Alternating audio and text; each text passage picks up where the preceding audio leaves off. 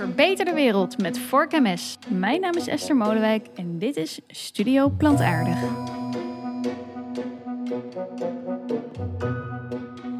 Een broodje hummus, pompoensoep en een vegetarische salade geitenkaas. Het zijn de altijd maar weer terugkerende opties voor de vegetariër op de menukaart. Niks mis mee, maar kan het nou niet wat creatiever? Dat is precies waar mijn gast van vandaag zich voor inzet. Femke van den Heuvel werd verkozen tot de op één na beste vegetarische chef van Europa. Ze is oprichter van de koksopleiding VIP Health and Nutrition, waarin ze chefkoks opleidt in de vegetarische en veganistische keuken. Dag Femke. Hallo Esther. Nog even voordat ik met je in gesprek ga, laat ik even de gasten weten dat we aan het eind van dit interview ook nog bellen met Pablo Moleman van Proveg voor het laatste vegan nieuws. Maar laten we eerst eens duiken in, uh, in jouw chefgeschiedenis. Want jij hebt nogal een, een prestigieuze prijs. Nou ja, laat ik zeggen, bijna gewonnen. Of je bent tweede geworden. Precies, er was net iemand iets beter dan ik. Nee, het was, het was sowieso een hele leuke wedstrijd, omdat het een internationale wedstrijd was. Maar deze wedstrijd was speciaal omdat hij eigenlijk de hele keten pakte. Dus het idee was dat iedereen alleen maar ingrediënten uit zijn eigen land, omgeving mee mag, meenam. En um, dat je ook bewust was van de gezondheid, dus de verhouding van de, van de ingrediënten op je bord, van de spijsvertering. Dus eigenlijk het hele aspect. En weet je, weet je nog wat je hebt gemaakt? Ja, ja. Dat is, we hebben het hier wel al over acht jaar geleden. Hè? Dus, uh, Daarom even graven. Ja, even graven. Maar uh, ik heb uh, ervoor gekozen om eigenlijk alleen maar met wildpluk hè, te koken. Want wij hebben feitelijk geen specerijen in Nederland. Die importeren we natuurlijk allemaal zoals peper. Maar ook zout. We hebben bijvoorbeeld geen echt biologische zoutwinning meer in Nederland. Komt nu inmiddels weer wel, hè, maar toen nog niet. dus ik heb gekookt met zeewater bijvoorbeeld. En met heel veel wildpluk. Dus met wilde mosterd, dat soort dingen om de smaken mee te ja. geven. Um, maar ik heb toen al gekookt, een aantal dingen met kombucha was ik toen bezig, fermentatie. En voor het hoofdgerecht, ik zal het kort houden, uh, had ik een eigen tempeh gemaakt. Het is nu heel populair, maar met uh, inderdaad Hollandse peulvruchten. Ja. Je zegt al even, is nu heel populair. Want inderdaad, acht jaar geleden, er is best wat gebeurd hè, tussen acht jaar geleden ja, en nu. Qua wat we... Fijn hè? Ja. Ik vind het ook zo leuk dat ik een soort met van geitenwolle sok opgeschoven ben naar hip. Weet ja. je? Het is echt ja. fantastisch tijd. Want, want je, je zegt uh, een beetje geitenwolle sok. Toen voelde jij je een beetje een, een, een, eenzame strijder zo in het begin van die vegetarische tijd? Nou, een, een strijder wil ik. Ik ben niet zo strijder. Ik zeg ook altijd, ik ben ook niet zo iemand, niet de messias of zo. Maar ik heb, ik heb me wel altijd een beetje alleen uh, gevoeld. Want ik voelde me niet thuis bij de hele principiële mensen die ergens voor gingen staan. Wel een principe die ik mooi vond, maar geen aandacht besteden aan, aan de culinaire genoegens. En ik ben wel echt gewoon een lekkerbek. Uh, maar ik voelde me ook niet thuis bij allerlei restaurants en chefs. Um, die daar helemaal niet mee bezig waren. En veel met vlees werkten of gewoon niet echt over nadachten. Dus ik zat altijd tussen die twee in. Hoe ben je eigenlijk op het idee gekomen om een vegan, vegetarische en veganistische koksopleiding te starten? Nou ja, ik had al, uh, ik, ik had al een cateringbedrijf. Ik ben eigenlijk begonnen op festivals met verkopen van smoothies. Nou, daar hebben we het nu echt al over 25 jaar geleden. En ik kom uit ontwikkelingwerk. Dus ik heb heel veel uh, in landen uh, rondgehangen waar je echt de impact van het voedselsysteem kan zien. Dus droogte al en uh, armoede en nou ja, heel veel aspecten daarvan. Dus ik heb altijd geleerd om gewoon een heel breed perspectief op dingen te houden. En ook om geschiedenis mee te nemen, om, om, om nou, naar een breder plaatje te kijken. En, en, ja. en is het, uh, het ontwikkelingswerk dat jij deed en, en de, de, de, de impact eigenlijk van het voedselsysteem en van klimaatverandering, is dat voor jou de, de, ook de aanleiding geweest om zelf vegetarisch te worden? Ben jij eigenlijk ja. vegetarisch? ik, ga er maar, ik ga er zomaar van uit. Ja, uh, ik noem mezelf altijd uh, eigenlijk helemaal niks. Oh. uh, want ik hou niet zo van hokjes. dus ik denk ook, en dan maak je een stapje dat ik het dus ook belangrijk vind dat je je bewust bent dat voeding je eerste levensbehoefte is. Dus dat er ook nog iets gebeurt na doorslikken. Dus we hebben het eerste traject van hoe komt het op je bord. dan is het mooi, dan is de, de smaak en dan is het daarna dat stukje spijsvertering en voedingswaarde en gezondheid wordt ook heel vaak vergeten. Dus het hele, hele spectrum. Dus ik ben niet zo vaak uh, te vangen in één stukje. Um, dus ik noem mezelf ook niks. Want ik luister heel grotendeels ook naar mijn lijf. Dus het kan voorkomen um, dat mijn lijf op een gegeven moment zegt: Ik heb behoefte aan een stukje vlees. ik, uit de praktijk gebeurt dat één keer in de twee jaar of zo. Maar als we het maar even heel concreet maken, je eet voornamelijk plantaardig of vegetarisch. Ja. Ja, helder. Ja. En dan kun je natuurlijk inderdaad eh, zelf een vegetarisch restaurant beginnen, wat je ook hebt gedaan. Maar je bent dus een stap verder gegaan. Je hebt een koksopleiding eh, gestart. Hoe, hoe, ja, hoe, hoe ben je daartoe gekomen? Ehm, ja, dat is eigenlijk ehm, heel automatisch gegaan. Ik, ik begon ehm, met een eh, restaurant biologisch afhaal. Hè? Dus, dus gezonde maaltijd, snelle maaltijd, wat goedkopere maaltijd. Ehm, en op een gegeven moment ben ik geüpgrade. Nou, dat was ook de tijd groeide. eh, dat ik dacht, oh ja, mensen willen ook wel wat lekkerder uit eten. En ook voor mij in mijn eigen ontwikkeling. Ik kon ook andere kooktechnieken. Ik wilde ook wel weer iets meer met mooie kunstwerkjes maken. Dus ik ben toen gaan omgeschakeld naar eh, echt vijf gangen serveren met, eh, met bijpassende wijnen. Echt een beetje meer culinair hoogtepunten aanbieden. En, ja, en toen kwam ik er ook achter dat ik of chefs eh, had. Ik had ook mensen nodig, meer mensen nodig. En dan kreeg ik oftewel mensen die heel veel wisten van andere menuopbouw, van andere soorten ingrediënten, maar heel weinig wisten hoe ze in een professionele keuken moesten werken. En met andere menuopbouw bedoel je dan al vegetarisch Ja, bijvoorbeeld? vegetarisch Ja? en plantaardig. Ja, Ja, ja, dus, dus- hoe krijg ik een mooi gerecht op een bord als ik het Ja. vlees weghaalde? De, de- daar komt het Dus op neer. dat Dan- wisten ze, maar ze waren nog niet zo goed eh, getraind in een professionele keuken. Ja, dus in de HCCP en de snelheid en, en snijden en basiskooktechnieken en dat soort dingen. Eh, oftewel, ik kreeg professionele chefs die dat wel heel goed kunnen, maar die dus weer niet zoveel kaas gegeten hadden, letterlijk dus geen Ja. kaas gegeten hadden, van al die andere ingrediënten. Ja, ja, ik snap hem. En En- toen stond jij eigenlijk alleen maar eh, eh, mensen op te leiden. Ja. En toen is het eigenlijk van Lieverlee een koksopleiding geworden. Zo, Ja. zo zou ik, ja, zo zou Ik snap zeggen. het. Toen dacht ik van nou, dit Ja. hebben we echt nodig. Want ik merkte gewoon eh, eh, dat de gewone ROC's en de koksopleiding daar nog heel weinig aandacht aan besteden.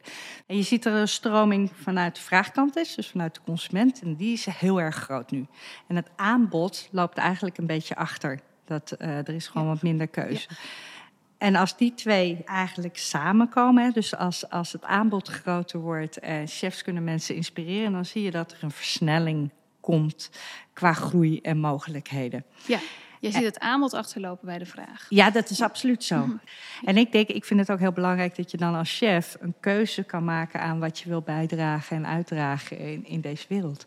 En dat kan je met je messen, vork en door mensen te inspireren. Ja, ja nog even, even over dat aanbod. Eh, wel interessant, ik heb het van tevoren opgezocht. Ik weet niet of er officiële cijfers zijn, maar de Happy Cow eh, registreert 429 vegetarische en veganistische restaurants in Nederland. In heel Nederland. Ja, en dat, niet die ook een optie hebben, maar gewoon die, die echt 100% of vegetarisch of veganistisch zijn. Dat is best wel veel, hè? Dus, ja, hè, dat, eh, maar ik denk dat dat ook best een, een, een, een klein falafelzaakje bijvoorbeeld, die zal er ook bij zitten. Maar, Ja. en, en daarvan zit een kwart ongeveer in Amsterdam. De Vegan Voxpop. Ben je vegetarisch? Soms. Soms. Heel af en toe smik ik nog eens een stukje vlees. En als je uit eten gaat, eet je dan vegetarisch? Meestal wel. Het liefst ga ik naar een eh, vega-restaurant. Dat is gewoon ronduit lekkerst. Ja. En gaan we naar een gewoon restaurant. Dan vind ik eigenlijk eh, vega-opties of vegetarische opties eh, slecht. En, en, en want waarom zijn die slecht? Nou, omdat er gemiddeld maar één of twee gerechten op de kaart staan. Ja. En daar is eigenlijk minimaal aandacht aan besteed. Hoe zou dat komen, denk je? Eh, onbekend, onbemind. Maar zij eet meer eh, in een restaurant vegetarisch dan dat ik doe. Ja. Ja. Dus u, ik, u kiest nog niet in een restaurant voor eh, nee, nee, nee. vegetarisch? Dan heb ik liever gewoon een stukje vlees erbij. Ja, dat is heel eerlijk, toch? Ja, toch? En, en, en wat eet u dan in een restaurant als u vegetarisch eet? Bijvoorbeeld? Bieten carpaccio? Eh, Ja, of pasta zonder, zonder vlees. Ja, Wat of, een, of een maaltijdsalade. Ja, maaltijdsalade. Zonder vlees erin. Ja. Zo kipsnitzel of zo, dan vegetarisch of zo. Oké. Maar eh, dan moet het wel een beetje kipachtig zijn. Als ik bijvoorbeeld hier in Horen kijk, in, eh, in West-Friesland, dan eh, is het matig. En matig, wat bedoel je dan? Matig is dat eh, bijvoorbeeld eh, de vegetarische salade eigenlijk alleen het vlees eruit gehaald wordt. Ja. Dus dat is vrij kort door de bocht. Hoe zou dat komen? Ach, dan moeten we terug naar de lagere school. We moeten terug naar school. Nee, nee, nee, naar de lagere school. Waar je eigenlijk moet beginnen met eh, gewoon eh, toch aan moet geven dat er andere mogelijkheden zijn eh, met betrekking tot voeding. Nee, ik ben niet vegetarisch, maar eet relatief gezien niet veel vlees. Ga je ook wel eens uit eten? Ja, Ja? zeker. Ja, wat, wat vind je over het algemeen van de vegetarische opties? Eh, nou, ik vind dat, wat wel, dat dat wel beter kan. Ik vind ze vaak erg, eh, erg eh, traditioneel, voorspelbaar. Wat ontbreekt daaraan? Creativiteit in het koken. Ik denk dat ze niet uitgedaagd worden door hun werkgever. En misschien ook wel door de gasten te weinig uitgedaagd worden. Ja. En ik denk dat ze het wel kunnen, maar je, ja, je moet er wel eh, je moet er tijd in steken. En ik denk dat het ook lastiger is, omdat groenteproducten natuurlijk moeilijker van tevoren te bereiden zijn. Wat heeft een, eh, een goede vegetarische kok nodig, denk je? Ja, ik denk dat hij heeft eh, nieuwsgierigheid nodig. Nieuwsgierigheid naar, naar wat je met diverse dingen kan doen. En ik vind heel veel restaurants, ook die dan weer de wat traditionele restaurants, zijn heel erg gericht op vleesvervangers. Maar ik denk dat je, je kan natuurlijk zoveel lekkere dingen maken eh, die niet per se vleesvervangend zijn. En ik denk dat als je je blijft richten op alleen maar vleesvervangend te koken, ja, dan, kom je, eh, ja, dan ga je voorbij aan heel veel dingen, heel veel gerechten en ingrediënten, die eigenlijk veel leuker zijn om mee te koken. Bij het mainstream restaurants ja, is het nog wel eens gewoon een vegetarisch eh, of, of vegan bitterballetje. Wat op zich best lekker is. Maar er zit niet zoveel eh, variatie in. Hoe zou dat komen, denk je? Ehm, nou, dat, dat, dat creativiteit vraagt van de kok om een vegan hapje te bedenken. Ik vond het in het begin ook lastig. Dat je moet echt wel moeite doen en je erin verdiepen wat een andere manier van koken is. En ook weten van, oh, wat voor vervanging heb ik dan nodig? Dus het is niet als je geen ei kunt gebruiken, wat dan? Ja, dan, dan moet je, eh, nou ja, misschien eh, een leuk workshopje eh, in, eh, in volgen of, of echt interesse in hebben. Zo, Femke. Ja. ja, je snapt natuurlijk wel, hij heeft vooral doorgevraagd bij de mensen die al aangaven geïnteresseerd te zijn in vegetarisch. Want voor de rest is het niet zo heel interessant eh, wat ze van de, de vegetarische kaart vinden. Ehm, ja, ik zou toch ook de vraag zijn, ja, van hoe vind jij eigenlijk dat het gesteld is met, nou laat ik maar even, even als verzamelnaam de vegetarische opties eh, eh, noemen. Ja, ik herken me wel in deze antwoorden. Dus een beetje gebrek aan creativiteit. Ehm, soms wordt alleen het vlees weggelaten. Ehm, dat klopt. Maar ik wil het ook wel een beetje opnemen nog eh, voor de chefs. Want ze hebben het heel druk. En het is niet alleen maar de vegetarische en plantaardig. Hè. Ze moeten dus ook soms glutenvrij. Ze moeten, weet ik veel, zonder ui, zonder ei. Dus heel veel mensen hebben een heleboel eisen. Dus ze moeten heel veel differentiëren. En daar is niet altijd ruimte en tijd voor. Eh, het klopt ook dat er wel een stukje kennis eh, ontbreekt. Vaak. Eh, en je ziet de, de soorten met trends. Hè? Dus dan, we hebben echt van die trends gehad. Eerst was het gewoon eh, de kaas niet zo, de bries Oh niet ja. zo van kaas met eh, cranberry saus. Die weet ik nog. En toen kregen we de gevulde wrap. En toen kregen we de gevulde paddenstoel. En toen kregen we, nou weet je, je ziet zo Ja. de trends. En je ziet Ja. dat eh, chefs dat kopiëren. Van dit loopt goed. En, en vaak zijn dat gerechten die dicht bij hun kennis staan. Dus er zit vaak heel veel kaas in. Kaas staat voor umami. Dat is iets wat ze kennen. Dat is iets wat ze veel gebruiken, ook bij de vlees. Dus dat kunnen ze makkelijk reproduceren. Eh, iets anders wat ik ook hoorde was ehm, dat het moeilijker is om iets met groenten te bereiden. Deze mevrouw had al wat inzicht in hoe het in de keuken werkt. Eh, dat klopt. Het is eigenlijk ook veel moeilijker om iets eh, vegetarisch gerecht samen te stellen en interessant te maken dan als je met vlees vis werkt. Dat is echt dat? wel makkelijker. Ehm, ja, hoe komt dat? Vlees heeft van zichzelf umami. Vlees heeft van zichzelf een structuur of een bite. En iets wat een structuur of een bite heeft, daar kauw je langer op. Ja. Dus die smaken die blijven ook langer Ja. in je mond. Ja, laten we nog even op dat umami ingaan. Dat is denk ik een kernwoord in, in, in de vegetarisch-veganistische keuken. Wat, wat is dat precies? Ja, wat is dat precies? Nou, je hebt een aantal eh, basissmaken en de laatst ontdekte is eh, umami. En het is allemaal nog ontwikkeld, we weten nog zo weinig over smaak. Dus er wordt nu heel veel onderzoek gedaan, dat is een heel ander onderwerp. Maar eh, vet is ook al een basissmaak en water wordt een basissmaak. Maar even terzijde, umami is dan een beetje de laatst ontdekte smaak.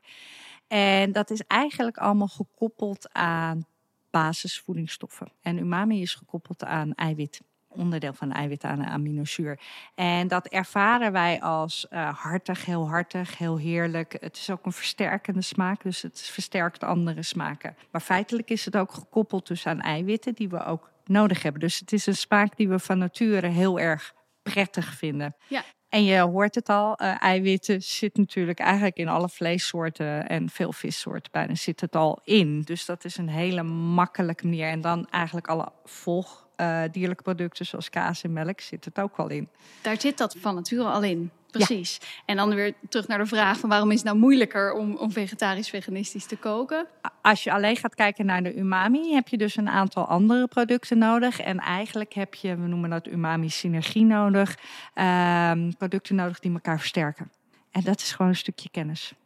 Want het zit ook, het zit in bloemkool, het zit in kappertjes. Maar je kan, het zit in uh, zongedroogde tomaten, gewone tomaten. Het zit in heel veel producten. daar zit dat umami allemaal daar in? Daar zit uh, die umami in. Maar als ik uh, een bloemkool alleen eet... Ja, dan zal ik nog niet zo'n vergelijking met vlees. Als ik een bloemkool ga roosteren, komt het al meer naar voren. Aha. Als ik een bloemkool met een paddenstoel ga mengen bijvoorbeeld... Dan hebben we umami's synergie, noemen we dat. Dan versterkt dat de umami bij elkaar. Kun je dat uitleggen hoe dat werkt, die synergie? Oh, dat wordt wel heel ingewikkeld, scheikundig uh, ja, lesje. Okay. Maar het gaat erom dat er twee bepaalde stoffen zitten... die eigenlijk een reactie aangaan... en waardoor ze eigenlijk verheftigd voorkomen. Oh, dus het, het, is, het gaat echt tot in de chemie eigenlijk. Ja, maar ja, koken ja. is scheikunde. Ja, dat is natuurlijk ook waar Koken ook. is scheikunde. Je moet weten wat er in je pannetje gebeurt. Uh, je moet kunnen sturen wat er in je pannetje gebeurt. Ja, dus waarom is een rauwe ui smaakt dat anders en heeft een andere textuur dan een gebakken ui, gefrituurde ui? Ja, ja uh, koken is heel veel scheikunde. Jeetje, dus ik probeer me nu even voor te stellen hoe jouw uh, opleiding eruit ziet.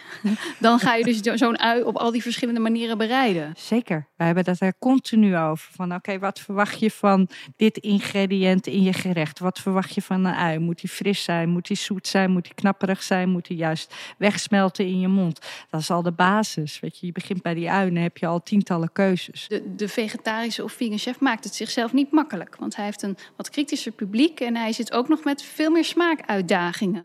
Zeker. Uh, en je moet ook wat meer moeite doen om een gerecht volledig te krijgen. Dus het, het kost ook vaak meer bereidingstijd. Uh, het is natuurlijk best heel makkelijk om een stukje goed vlees in de pan te bakken en, en door te geven sausje erbij klaar. Dat, dat kan je met vegetarisch ietsje, ja, alleen een aubergine bakken bij wijze van spreken en zo doorgeven. Gaat hem niet worden. Uh, dus je moet gewoon meer doen. En je hebt ook vaak meer componenten noemen we op het bord die elkaar versterken om een goed gerecht te krijgen. Dus het is gewoon lastiger. Ja, oh. maar toch zijn er genoeg die uh, die, die uitdaging aangaan. Ja. Kun jij nog eens iets vertellen over, uh, je, je, je, noemde het net al een beetje, maar als je nou begint met het denken van een vegetarisch of veganistisch gerecht. Wat is het uitgangspunt? Waar, waar moet je op gaan letten? Ja, moeilijke ja. vraag, hè? Dus als we kijken naar uh, um, de traditionele menuopbouw, hè, zo, zo eigenlijk nog de, vanuit de Franse keuken, zeggen ze dan. Maar het is ook weer gejat van de Russen, maar dat uh, weer de Russische adel. Maar dan gaan we kijken naar een stuk, is het hoofd is het vlees, vis en een bepaalde bereiding. En daar komen een aantal componenten om elkaar uh, heen die het versterken. Dus meestal een saus, uh, misschien wat garnituur en, en een koolhydraten. Dus als je een vegetarisch of plantaardig gerecht gaat opbouwen, heb je een hele andere insteek. Dus je moet dan eigenlijk gaan kijken, wat is de functie van alles. Dus we hebben net al umami genoemd, die hebben we nodig. Maar ik had het ook over structuur. Ja. Uh, dus er moet ook wel iets zijn om op te kouwen. Dus daar zie je dat uh, de hang naar vleesvervangers groot is. Want dat, daar zit het al in. Daar zit vaak al de umami in, maar er zit ook iets om op te kouwen. Dus wil je dat op een um, andere manier doen, dan moet je meer aandacht zijn. Dat kan. Hè. Je kan, we kennen ook wel de rookwortel bijvoorbeeld, uh, die gerookt wordt en aangevroren. En eerst in zoutkorst en dan aangevroren. Uh, en dan weer ontdooid. En die krijgt eigenlijk cellen gaan kapot. En dan gaat het vocht van de groente eruit. En dan krijg je een soort vlezige structuur. Dus je kan dat zeker ook al met groentes uh, bereiken. Maar je, je moet er dus wel iets meer Precies, ja, dat klinkt vrij bewerkelijk. Ja, ja uh, dus de componenten bij vegetarische of plantaardige maaltijd... die zijn eigenlijk meer gelijkwaardig. Dus we hebben niet één hoofdding en dan wat dingen daarnaast. Nee, je moet zorgen... Dus als je gaat kijken naar de Indiaanse keuken of um, de Arabische keuken... dan zie je dat dat eigenlijk al alle smaken in zich heeft. En ook heel veel verschillende structuren. Dus daarom zijn die ook populairder bij vegetarische en vegan uh, chefs. Dat is makkelijk. Dat is eigenlijk al voor je bedacht op een aantal uh, vlakken. Ja. ja. Ja. dus je zei umami en structuur. Belangrijk. Ja. ja. Is er dan nog iets? Wat, uh... nou ja, je, je kan natuurlijk ook kijken, wat is de verwachting? Daar hadden we het net al over. Gaat iemand, uh, komt iemand bij je eten om, uh, omdat hij gewoon lekker een avondje uit wil? Hè? Dan, dan heb je andere... Um, uh, eisen of andere verwachtingen van, uh, van een gast dan als iemand uh, langs de weg zit en veel langs de weg zit en eigenlijk zijn voeding voor de dag wil binnenhalen. Dus als we even kijken naar het gezondheidsexpert, zou je kunnen kijken als ik ook voedingswaarde dat hij volledig eiwit binnenkrijgt. Dus dan ga je vaak naar een combinatie van granen en peulvruchten bijvoorbeeld. Uh, je moet kijken of iemand genoeg vitamines binnenkrijgt. Dus je gaat naar een variatie in groenten. Nou ja, zo heb je een hele uh, menuopbouw. Daar hebben wij een stappenplan voor in onze opleiding. Dus we stap voor stap helemaal doorgaan dat je een gerecht volledig krijgt en volwaardig krijgt. Precies, ja, dus die ja. voedingswaarde is eigenlijk zo die derde component. Ja, ja maar ook verschillende structuren. Dus je kan bijvoorbeeld, als we even teruggaan naar die Indiase keuken. Dus ik kan een hele mooie curry hebben. Hè, een mooie curry en dan heb ik een mooie rijst erbij. Dan heb ik uh, een mooie maaltijd. Als ik daar ook nog wat linzen bij doe, dan is hij uh, ook qua eiwitten uh, volledig. Maar dan is hij nog een beetje saai. Snap je? Zo klinkt het wel, ja. Ja, ja, ja, ja. Dus dan wil je nog weer wat fris erbij. Dus dat is meestal de rijta. En dan wil je misschien ook nog een knappertje erbij. Zodat, die, zodat je een beetje contrast in structuur hebt. Ja. Snap je? Ja. Nou, maar dan is hij nog steeds een beetje saai. Want dan heb ik misschien een hele mooie maaltijd qua smaak. En dan heb ik een knappertje, een frisje erin, een rijp in. Maar dan heb ik nog steeds een soort plasje op mijn bord. Zeg maar. Dat ziet nog niet heel mooi uit. Dus dan wil ik nog een stuksting creëren, noemen we dat. En eigenlijk toch een beetje die vleesvervanger of die blikvanger op het bord waar je oog naartoe gaat. Hoe noem je dat, zei je? Een stuksting noemen wij stuksting. dat. Stuksting. Ja. Oké. ja. ja. Dus je zou dat de vleesvervanger kunnen zetten, maar wij zetten hem wat breder. Uh, iets waar je oog naartoe trekt. Weet je, zodat je een beetje mooi kan pleten. Um, pleten, ja, ik snap ja, hem. Dat pleten, er ja, ja, ja, dus dan zou je bijvoorbeeld, dus zou je die pappendum, en dat is zo'n linzenkoek, die zou je in een bakje kunnen vormen. En dan kan je daar je. Uh, je curry in doen. Uh, weet je, en dan doe je een torentje met rijst ernaast. Dan heb je blikvangers. Dan heb je één geheel in je gerecht. En dan dwing je ook mensen om dat samen te eten. Ja. En dan heb je een iets feestelijker gerecht. Potverdorie. Bekijken, ik kan ook een beetje koken, maar uh, jeetje, ja, dit heb ik ook niet altijd allemaal op een lijstje staan als ik een maaltijd voor mezelf. Uh, nee, maar dat hoeft voor thuis nee, ook niet. Hè? Nee. Krijg jij nou voornamelijk um, chefs die um, zeg maar in een regulier restaurant werken en denken van ja, ik moet ook iets met dat vegetarisch, ik, ik kom hier ook iets over vegetarisch vegan leren? Of krijg jij chefs die echt uh, helemaal volledig een vegan restaurant willen starten? Uh, beide. Beide. Maar ik denk voornamelijk krijg ik um, zeg maar mensen die uh, startende ondernemers zijn. Die dus vanuit een principe vegetarisch of veganistisch zijn gaan koken voor retretes of een klein lunchroom of kleine restaurants. En die er dan tegenaan lopen dat ze missen hoe ze uh, professioneel moet koken. Dus ook qua technieken, maar ook hoe je winstgevend kan draaien. Ja, en als we dan eens kijken naar die chefs die jij krijgt die uit die reguliere uh, stroom komen, zeg maar. Wat is nou de, de meest gemaakte fout?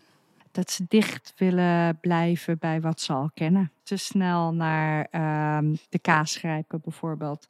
Uh, of naar uh, een vleesvervanger. Dus je moet op een andere manier uh, je gerecht gaan benaderen. En ik denk gewoon ook een stukje ja, ingrediëntenkennis. En ik zeg ook altijd van, het, is niet het een of het andere. Er wordt altijd zo'n contrast gemaakt van met vlees koken of vegetarisch koken. Blijft allemaal koken. Uh, en, en ik denk dat je je speelveld enorm kan verbreden met. Uh, er zijn zoveel meer granen, peulvruchten, groentes, uh, kruiden. dan dat er vlees- en vissoorten zijn. Dus je, je kan enorm speelveld vergroten. Dus ik denk als jij gepassioneerd kookt, dan is het alleen maar leuk.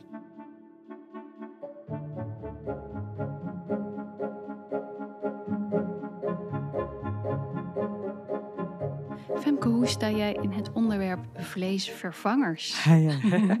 en eivervangers, zuivelvervangers? Ik ben daar heel ja. benieuwd naar. Ja, uh, is natuurlijk ook weer een heel breed onderwerp. Hè? Dus vleesvervangers, we hadden het net over wat vervang je van vlees. Vervang je de structuur of de bite? Uh, vervang je de eiwitten? Vervang je de smaak? Hè? Dus dat, dat heeft allemaal met elkaar te maken. Ik zelf uh, gebruik het praktisch nooit. Ik heb gewoon veel tools om dat op een andere manier te kunnen doen. Ik zie ook wel dat heel veel van die vleesvervangers uh, natuurlijk wel samengestelde producten zijn. Dus fabrieksmatig zitten Bewerkte toch wat producten. binders in waarvan ik denk, nou, ik moet nog over een paar jaar kijken of dat, wat de consequenties daarvan zijn. Je vraagt je af hoe gezond het is. Precies, Mhm. precies. Wat krijg ik nu precies binnen? Je kan bijna niet meer, je kan bijna niet meer achterhalen wat je nou precies eet.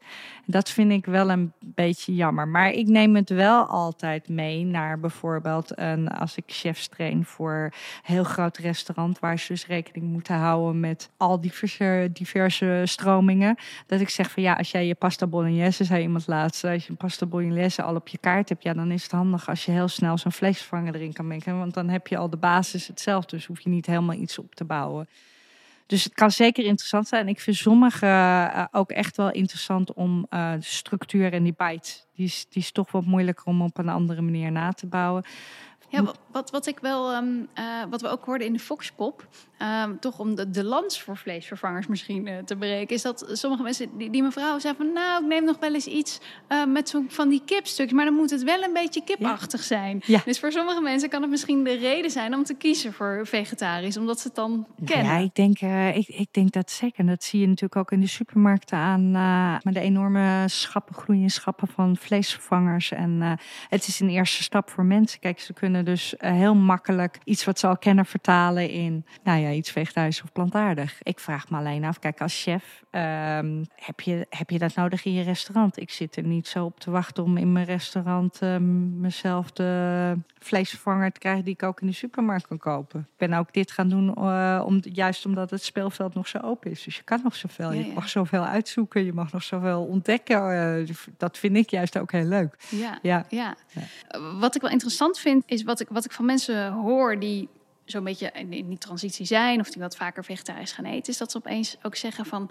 eh, groenten zijn zoveel lekkerder dan ik wist. Dat, er een, beetje een wereld voor ze open gaat... van wat je, hoe je anders kan koken. Dus als, als je natuurlijk goed vegetarisch of vegan kookt... dan, ehm, eh, dan kun je echt iets toevoegen.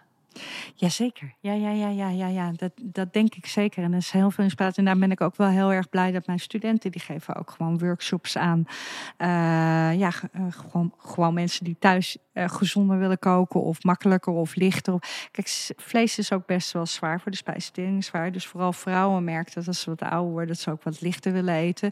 En je ziet nu de, de mogelijkheden met groentes zijn enorm. En eh, vergeet ook niet, het aanbod van groentes wordt weer ook weer groter. Hè? Ja, Ja. dat is waar. Ik bedoel, als we nu gaan kijken, dan je kan zoveel krijgen. eh, of dat nou weer milieuvriendelijk is, wil ik ook niet anders. Maar je hebt veel meer mogelijkheden. Eh, en groentes hebben ongelooflijk veel smaak. Ja, Ja, ja. precies. Ja. Ja. over smaak. Want ik vond het wel interessant. Jij begon net al even over, over smaakontwikkeling. Ja, ho- ho- hoe ontwikkel je eigenlijk smaak? Nou, als je dat heel bewust, wil je dat heel bewust gaan doen. Kijk, eh, er, er zit eh, wel een, laat ik het zo zeggen, de, eh, het is vooral veel bewustwording.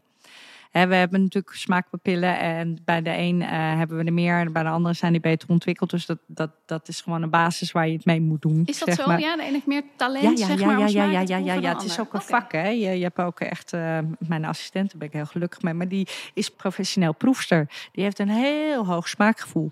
Daar kan ik niet aan tippen. Daar kan ik niet aan tippen. Zij, zij kan dingen onderscheiden die ik niet meer kan onderscheiden. En dat, daar word je gewoon mee eh, geboren, zeg maar. Dat, eh, Oh jee, het uitgangspunt. Ja. ja, ja, ja. Dus je, je doet het met een bepaald gestel. En vervolgens kan je dat wel eh, zeg maar ontwikkelen. En dat is bewust worden. Ik zeg altijd, ehm, als ik iedereen een Chardonnay geef, twee verschillende Chardonnays, ja, dan kan iedereen het verschil proeven. Je kan misschien niet benoemen wat je proeft, maar je kan wel duidelijk zeggen, oh ja, deze is anders dan die andere. Dat kan iedereen, zeg maar. Maar dan moet je het leren benoemen. Ja. Dat is één ding. En er zijn een heleboel dingen die, gewoon, die we moeten leren eten. Dus ik eigenlijk geen enkel kind vindt bier lekker, koffie lekker of olijven. Of, eh, dus die bied je steeds aan. En, Ja. verder. en voor mij ook, daar kan je heel erg specialiseren. Dus ik, ik, kan- ik kan best wel wat wijn drinken, maar ik ben geen sommelier of finoloog. Eh, dus daar houdt een tax in om, om waar je kan vergelijken, zeg maar. Dus je, je, je gaat op een gegeven moment een soort kennis opbouwen in je hoofd. Van, oh ja, dit heb ik geproefd. En daar bouw je Ja. op verder. En dat is een kwestie van veel, Ik veel het. oefenen. Ja, bijvoorbeeld dat voorbeeld met, met Chardonnay. Ik ken dat heel goed. Dan proef je twee wijnen en dan denk je, nou, die, die is lekkerder of, of minder. Of die, je kan ook nog proeven, die is zoeter. Of, maar je moet het ook nog een plek in je hoofd weten te geven. Dat als je een week later bijvoorbeeld weer een wijn proeft, dat je weet van was die zuurder of zoeter Ja. of droger. En, Ja. en dat is een soort ja, een, een- een, register wat je ontwikkelt in je hoofd. Of waar je het in kan plaatsen. Ja, Zeg ik dat zou je- goed? ja, dat zeg je heel goed. Ja, ja, ja, ja, je moet een soort vergelijkingstabelletje hebben ook. En, en je moet het leren benoemen. Eh, en dat heeft natuurlijk, smaak heeft ook heel veel met geuren te maken. Eh, die, eh, dat zijn we helemaal kwijt. Maar dat hadden we vroeger natuurlijk nodig om te, om te overleven. Ehm, en ik doe wel eens van die, van die geurtestjes met mijn nichtjes. Maar dan had ik bijvoorbeeld zo'n geurflesje tijm. En dat heb je dan met, met wijn. Dan konden ze niet benoemen tijm. Maar nog wel, oh ja, dat is die struik die bij de schuur staat in de tuin. Weet je, dat is een hele andere. Die waren zich nog bewust. Nou, dat zijn we helemaal niet meer bewust. Dus ik noem het ook altijd soms woordjes leren weer. Van Ja. oké, time, ja. time, time. Oké, ik heb time voor mijn neus. Staat op, op, op het flesje en dan of op het doosje of op, op, op, op, eh, op mijn ehm, verpakking. En dan ga ik dat eindeloos oefenen. Time, time, time, time. Op een gegeven moment herken je alleen de geur al, zeg maar. Ja. Dus neem eens wat anders van de kaart dan wat je gewend bent. Of eh, koop eens een ander ingrediënt. Of eh, doe iets verrassend. Kies gewoon een wat breder palet. Ja, ja. Nou noemde jij al even kinderen die niet direct alles eh, lekker vinden. Ja, ik, ik, ik sta altijd stel achterover van het kindermenu Ja. in restaurants. Ja. Dan hebben ze soms best een aardige kaart en dan krijgen de kinderen patat met kipnuggets.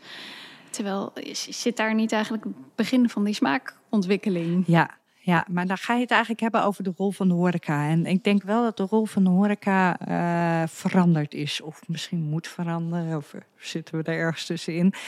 Kijk, vroeger gingen we eh één keer in de zoveel tijd uit eten en dan was het een feestje. Weet je? En dan ben je ook minder bezig met. ehm, krijgt iemands voedingswaarde, dan wil je verrast worden, dan wil je verwend worden. Eh, en dan wil je niet gezeur met je kind over dat hij iets niet lukt. Weet je, dat waren speciale gelegenheden. Wat we nu zien, is dat we eigenlijk heel veel buiten de deur eten. Dus dan denk ik dat, vind ik, hè, dat is persoonlijke mening, dat de horeca misschien ook iets meer eh, aandacht moet geven aan voedingsstoffen, voedingswaarden. En de horeca is natuurlijk heel erg nog eh, ingericht op het moet lekker zijn. Ja, Ja. ik snap het helemaal. Dus Ja, is dit een taak van de horeca of is dit een taak van de ouders? En eh, dat zie je dus wel de, als de taak van eh, eigenlijk oorspronkelijk van de ouders is, dat ze de kinderen moeten meenemen in heel veel verschillende smaken ook. Ze kopiëren ook hun ouders. Dus als de ouders allerlei dingen zitten eten, dan gaan ze daar op een gegeven moment wel in mee. Ehm, ben je buiten de deur? Ja, dan snap ik heel goed dat je die dingen pakt die kinderen altijd lekker vinden. En dat is, daar gaan we weer natuurlijk umami, eh, zoet en zout. Dat Ja, zijn precies. En de dat zijn die patatjes met die kipnuggets, dan, dan, ben, je- dan ben je er al bijna. Ja, Ja, ja, ja. En groenten zijn ingewikkelder, hè? dus eh, daarom zijn ze ook lekkerder. Dus eh, dat zeiden we net, een groenten heel interessant zijn.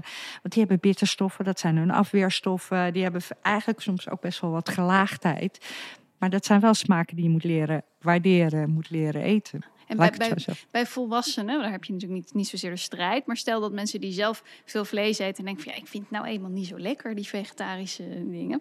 Is daar, ehm, kunnen die zichzelf op de een of andere manier eh trainen? Herprogrammeren. Herpro- ja, heel goed. Herprogrammeren, dat is het woord. Brainwashen. Oh jee, oh jee, oh jee. Ik, ik, ik, ik zie de tweets al binnenkomen, Femke. Ja.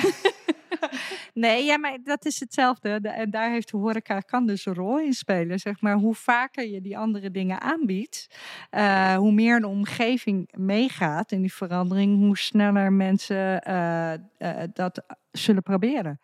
Dus ik had bijvoorbeeld in mijn restaurant helemaal niet ehm, ehm, op mijn raam of in mijn menukaart dat ik vegetarisch was. Ik zei, ik kook gewoon een lekkere maaltijd. Ik, ik kook gewoon goed. En toevallig is dat vegetarisch, want dat is binnen mijn principe. Maar dit, ik, kook, ik kook gewoon een mooi gerecht. En dat mag je komen eten of niet, weet je wel. En eh, zodra je er zo'n stempel op gaat komen er allemaal ja, oordelen bij. Of angst, of angst is een groot woord, maar eh, terughoudendheid. Of, ehm, dus ik denk ook wat je nu ziet, wat ik ook altijd tip meegeef voor de gewone restaurants. Zet je vegetarisch of plantaardig niet in een apart kopje, maar zet het gewoon gemengd door de kaart. Dat zie je nu heel veel. Heeft ook iets te maken met korttermijngeheugen. Dus iemand kiest een kaart en die begint te lezen. Dus stel dat ik dat zoals vroeger allemaal in kopjes had. Dan heb je zeg maar ehm, eh, vier eh, visvarianten. Ga je lezen, heb je vier vleesvarianten. Nou, stel dat ik alles eet, hè, Ja. zoals we omnivoren zijn. Maar mijn korte termijn geheugen is maar zeven. Dus stel dat ik bij die eerste vier al denk, oh, dat vind ik lekker. Ja, Dan Ik kom ik nooit het. bij het eind. Terwijl als het door elkaar staat en het is toevallig, eh, weet ik veel, uh, melanzana, eh, pasta. eh, en ik denk, oh, daar heb ik wel zin in. en dan is hij toevallig vegetarisch, dan zet je het ook meer af.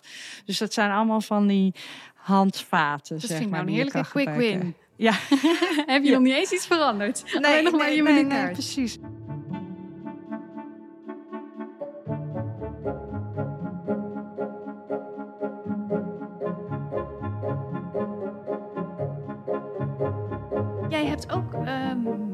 Of je werkt op dit moment nog mee aan het ontwikkelen van een koksopleiding of van een module voor ROC's. Zeg ik dat Ja. goed? Ja, ja, ik doe twee dingen. Eh, ik geef eh, les zelf eh, in Venlo aan een beroepsschilder heet dat. Dat is dan voor de professionals. Dus dat is inderdaad een soort bijscholingscursus. En, nu voor het SVA, die ontwikkelt dus lesmateriaal voor heel veel ROC's. Daar heb ik nu een hele module plantaardig voor geschreven. En dat blijft heel dicht bij wat de chef zal kunnen. Hè. Dus dat is dan heel erg, we hadden het al een beetje over bijvoorbeeld eivervangers. Maar als je een ei, ei heeft eh, vijf verschillende functies. Dus het bindt, het kleurt, het geeft veel mondgevoel. Nou, het zijn heel veel verschillende functies. Eh, kan een netwerk maken, kan reizen. Dus als je die gaat vervangen in een gerecht, wat ze al kennen, dan moet je eigenlijk een heleboel verschillende dingen vervangen. Ah, dus je hebt niet gewoon één eivervanger die één ding vervangt. Nee. Nee, ik snap het. Eh, wat ik doe is eigenlijk even weer terug naar de basis van wat doet dit ei in dit gerecht? En hoe kan ik dat vervangen? Of zijn er twee functies van het ei die we nodig hebben? Dan moeten we dat op twee verschillende manieren vervangen. Dus ik ga wel echt heel terug naar de basics kooktechnieken. Weer, wat wil je nou eigenlijk van dat ei? En hoe, eh, welke functie hebben we het hier nou over? Dus er is geen enkele eivervanger, kan ik nu al zeggen, die alles kan vervangen. In één keer, helaas. Ei is uniek. Dus dan moet je kijken wat is de functie eh, en hoe kunnen we dat vervangen. En soms moet ik drie of vier dingen doen om die ene functie van dat ene ei te vervangen. Eh, maar ik blijf daar heel dicht bij eh, de kooktechnieken die ze kennen. Dus een mayonaise draaien zonder ei, bijvoorbeeld. Of eh, hoe bind ik nou, hoe maak ik een roux zonder boter? Of, en ook nog, hoe maak ik een eigen plantaardige boter? Bijvoorbeeld, dat is ook nog een stapje verder. Ja. Ja. Hoe maak ik mijn eigen vleesvervanger? Hoe, oh, oh ja. Ja, ja, dat doen wij ook. Dus wij maken ze, daar heb ik voor de, voor de SVH ook, heb ik gezegd, hoe maak ik zelf mijn tofu? En wat kan ik daar nou mee? En hoe maak ik zelf mijn seitan? Dus ja, Ja. dat leer ik ze En, weer. en heb je het idee dat die, denk voornamelijk jongeren op, op het ROC die voor de koksopleiding komen, dat die zitten die te wachten op deze vegetarische en veganistische lessen? Ja, ja, ja, ja, ja. Ja, dat zie je al. Dat zag ik al in Venlo. Waarin dan eh, moest ik altijd even wachten tot de gewone klassen, zeg maar, afgelopen waren voor ik het lokaal in kon. Die kwamen allemaal kijken. Die vinden dat veel interessanter dan de gevestigde orde. Dus je ziet de jongeren dat heel erg oppakken. En in Amsterdam hebben ze nu een plant-based opleiding in de, in de markt gezet. Een plant-based opleiding. Ja, en uh, plant-based is dan bij hun, dat is ook wel grappig hè, dat die termen eigenlijk een beetje aangepast worden. Want plant-based is bij hun uh, een soort beetje 80, 20 procent. Dus zij gebruiken nog wel aanvullend vlees of vis. Wacht Ja. even hoor. Ja. Plant-based? Ja. De plant-based koksopleiding in Amsterdam is, is niet... niet per se veganistisch. Nee. En die term plant-based, ja, als je hem letterlijk gaat vertalen, is het, betekent het ook alleen maar gebaseerd op planten. Ja. Dus niet per se veganistisch. Nee. Ja. Eh, en maar dat is niet alleen in Amsterdam zo. Hè. Dat, dit, dit zie je al heel veel gebeuren. Je ziet, dat zag je vroeger ook met biologisch. Ik, ik weet nog, ik zat in de stuurgroep. Biologisch en duurzaam was op een gegeven moment natuurlijk, kreeg veel aandacht. En dan zag je ook een verschuiving. En dan zei iedereen, wij werken zoveel mogelijk met biologische producten. En voor de een was het natuurlijk Ja. 5%, en voor de ander was het 98%. Dus dat was niet duidelijk. En dat zie je natuurlijk. Je ziet dat eh, veganistisch of plantaardig heel veel aandacht krijgt. Dus je ziet ook dat Ik daar- ben eventjes een beetje, een beetje gechoqueerd. dat deze term nu ook gekaapt wordt. Eigenlijk, dus op het moment dat, dat, je, omdat, omdat plant-based dan populair is, noemt iemand die een gerecht heeft met, laten we zeggen, een salade waar die ook nog wat eh, spekjes op legt. Ehm, dat, dat wordt dan ook plant-based genoemd, omdat dat dan zou kunnen. voornamelijk. Zou kunnen, ja. Ik zeg niet dat dat al op die manier gebeurt, maar laat ik het zo zeggen. Je moet nog wel even checken als iemand zegt plant-based, wat bedoel jij daar precies mee? Dus er zijn Ja. Verschillende connotaties of differentiatie in mening. Nou, ik ben benieuwd. Ik, ik gooi hem er meteen even in voor de luisteraars. Of luisteraars dit fenomeen ook al hebben ontdekt. en zo ja, deel, deel het even met mij of je dat ergens hebt gezien. Dan gooien wij dat op onze kanalen. Want dan handig als het helder is, toch? Wat je ja, ja, ja, ja. krijgt. Maar goed, waar, wat je eigenlijk vertelde is... de, de, de jonge koks in de opleiding zitten wel degelijk te wachten op, op meer kennis. Nou over, ik, ik, had zo, ik, ben, ik, krijg, ik heb een volwassen onderwijs, dus ik school uh, volwassenen om. En uh, ik verwacht ook dat ze al zelf kunnen leren, zeg maar. Uh, dus ik zie ook heel erg de noodzaak dat ROC's ook meegaan in deze veranderingen en iets anders aanbieden, omdat we ook gewoon chefs tekort hebben. Maar ik krijg dus heel vaak ouders en, en ook gewoon jongeren die zeggen van ja, ik, ik heb de middelbare school afgerond of, en ik wil graag kok worden, maar ik wil niet met vlees en vis werken. Wat nu? Weet je wel? Ja. Dus daar zit gewoon ook potentie. En dat zien we dus wel in Amsterdam. Dat daar ineens, hè, terwijl eigenlijk uh, bij alle ROC's uh, de inschrijvingen teruglopen. In Amsterdam zijn ze een beetje overweldigd door het aantal inschrijvingen. Oh, ja. werkelijk? Ja. Oké. Okay. Ja, nou. dus ja, dat belooft veel goeds voor de toekomst. Ik, ja, oh, absoluut. voor mensen die vegetarisch en dus, eh, veganistisch willen eten. Is, is mijn uh, hele eigen egoïstische streven. Dat ik straks als ik uh, bejaardentehuis in ga, uh, gewoon overal goed kan eten. Misschien moet je daar alvast mee beginnen met bejaardentehuizen opleiden. Dat is ook nog wel een... Uh... ik heb er een paar in mijn opleiding, gelukkig. Ja, okay, daar zit ook beweging in. Kijk eens aan. Wat interessant. ja. Ja. Ehm, mag ik jou tot slot nog vragen? Kijk, je hebt al aangegeven van uh, nee Esther, ik ben echt voor de, voor de professionele koks. Ik denk toch dat er ook veel mensen zitten te luisteren die uh, zelf thuis ook wel wat uh, vegetarisch in de keuken willen experimenteren en leren. Heb je nou toch nog een gouden tip voor ons? Een gouden tip voor jullie. Nou ja, laat ik het zo zeggen. Ik heb wel voor de vegetariër, dus niet voor de plant-based of de veganist, maar ik heb voor de vegetariër wel een hele leuke cursus, helemaal online. Drie maanden, waar je echt alles ook krijgt wat ik net vertelde over scheikunde in je pannetje. Die heet de Veggie Chef Online. Maar even gewoon voor de simpel thuis. Het is eigenlijk een aantal dingen en ik heb ze ook her en der al genoemd. Dus let op je umami, let op je structuur. Maar eigenlijk een hele makkelijke zorg dat er vijf basissmaken in je gerecht zitten. Dus een zoetje, een zuurtje, een vetje, een umami, iets bitters. Misschien bitterfrank, nou heb je zes smaken, iets pittigs. Als je die allemaal in je gerecht hebt, dan heb je eigenlijk een, uh, is het eigenlijk altijd, vindt iedereen het altijd lekker. Dankjewel. Uh, voor, deze, voor deze mooie tip. Ik ga vanavond meteen uitproberen. Graag gedaan. Ik ben benieuwd. Laat me weten. Fijn. Nou, we gingen een beetje van de hak op de tak, uh, Femke. Maar ik vond het heerlijk. En volgens mij, uh, ik heb veel geleerd. En ik hoop de luisteraars ook. Um, ik hoop het ook. Zullen we nog even pluggen? www.vip... Health and Nutrition.nl. Daar kunnen professionele koks en ook de thuiskok jou vinden om meer te leren over ik zie lekker goed. koken. Het Vegan Journaal.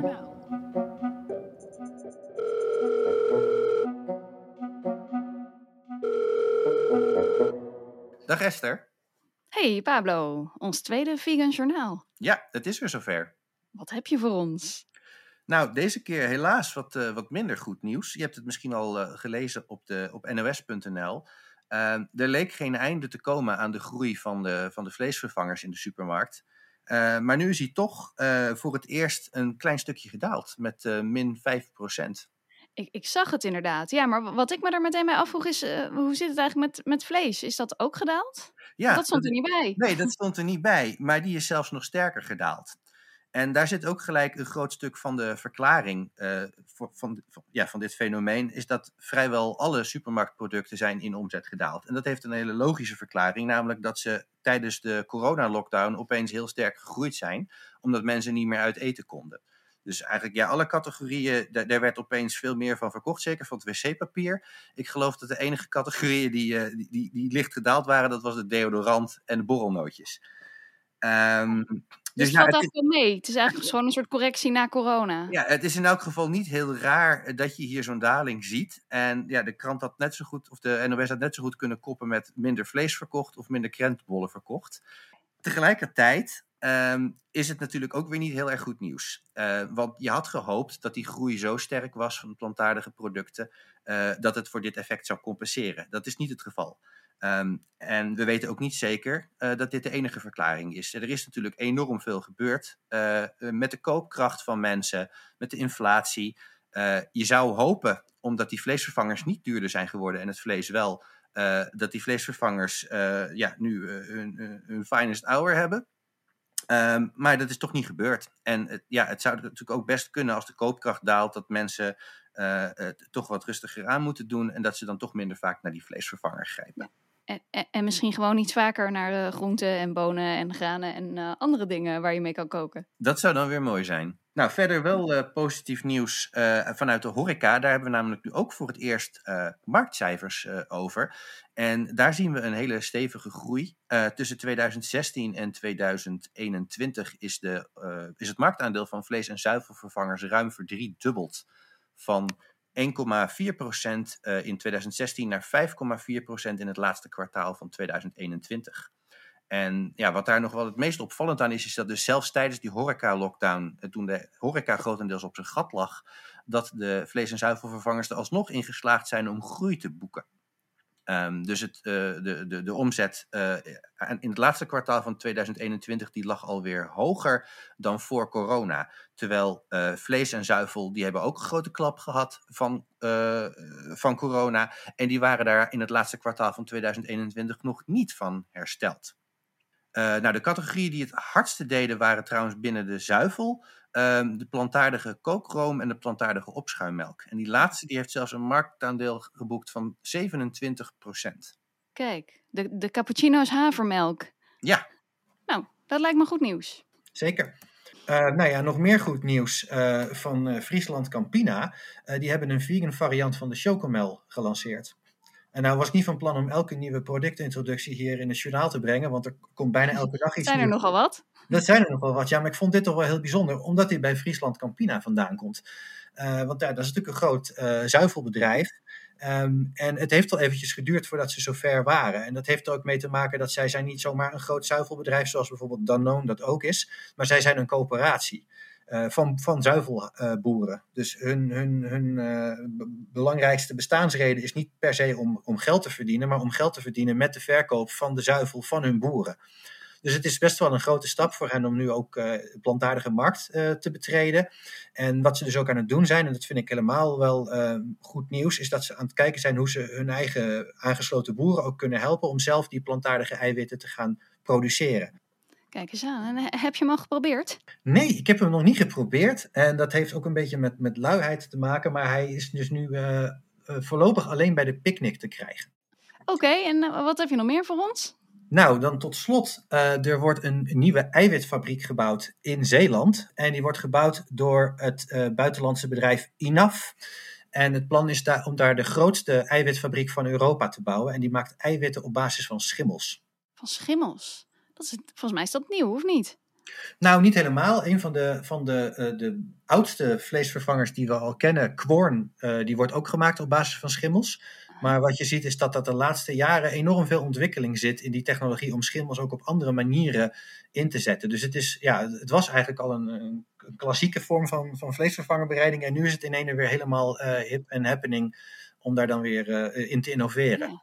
En, en, en, weet je wat voor producten daar uiteindelijk uit gaan rollen? Wat, wat, kunnen we verwachten? Nou, ze maken grondstoffen voor het maken van vleesvervangers. Dus uh, het is eigenlijk dan uh, een, uh, een getextureerd eiwit, wat dan ingekocht kan worden door bijvoorbeeld Vivera of de vegetarische slager of, of, andere fabrikanten. Niet alleen in Nederland trouwens. Ze willen produceren voor, voor heel Europa. En die maken daar dan vervolgens weer worstjes van of kipnuggets of ja, wat je maar wil. En de, de, de, de INAF uh, beweert dat als ze op topproductie draaien, dat ze dan genoeg maken om per jaar 1,2 miljard kippen te vervangen. Wacht even hoor, 1,2 miljard. Volgens mij is dat meer kippen dan wij eten in Nederland met elkaar. Dat is zelfs, dat is zelfs meer dan dat wij in Nederland slachten. Weet je? Ja, ja, en het is, uh, het is trouwens ook wel uh, leuk om op te merken dat dit eigenlijk de zoveelste internationale uh, uh, vegetarische bedrijf is dat voor Nederland kiest als vestigingslocatie. Eerder hadden we bijvoorbeeld al Beyond Meat, die, uh, die zijn Nederlandse fabriek, of zijn, zijn Europese fabriek in Nederland neerzette. Ehm, van de drie grootste vleesvervangerproducenten in Europa zijn er twee geleerd aan Nederland. Dus we zijn hier eigenlijk wel een soort van hub aan het creëren. We waren natuurlijk al een, een, een, een spin in het web van de dierlijke eiwitproductie. Maar het begint er steeds meer op te lijken dat Nederland ook een, een hoofdrol uh, gaat spelen in de plantaardige eiwitproductie. Nou, Pablo, dat zijn, uh, dat zijn flinke ontwikkelingen in, in eiwitland. Fijn dat je ons even bij hebt gepraat. En uh, ik, ik ben benieuwd wat we over twee weken van je horen. Ik ook. Tot de volgende keer. Goed, tot dan.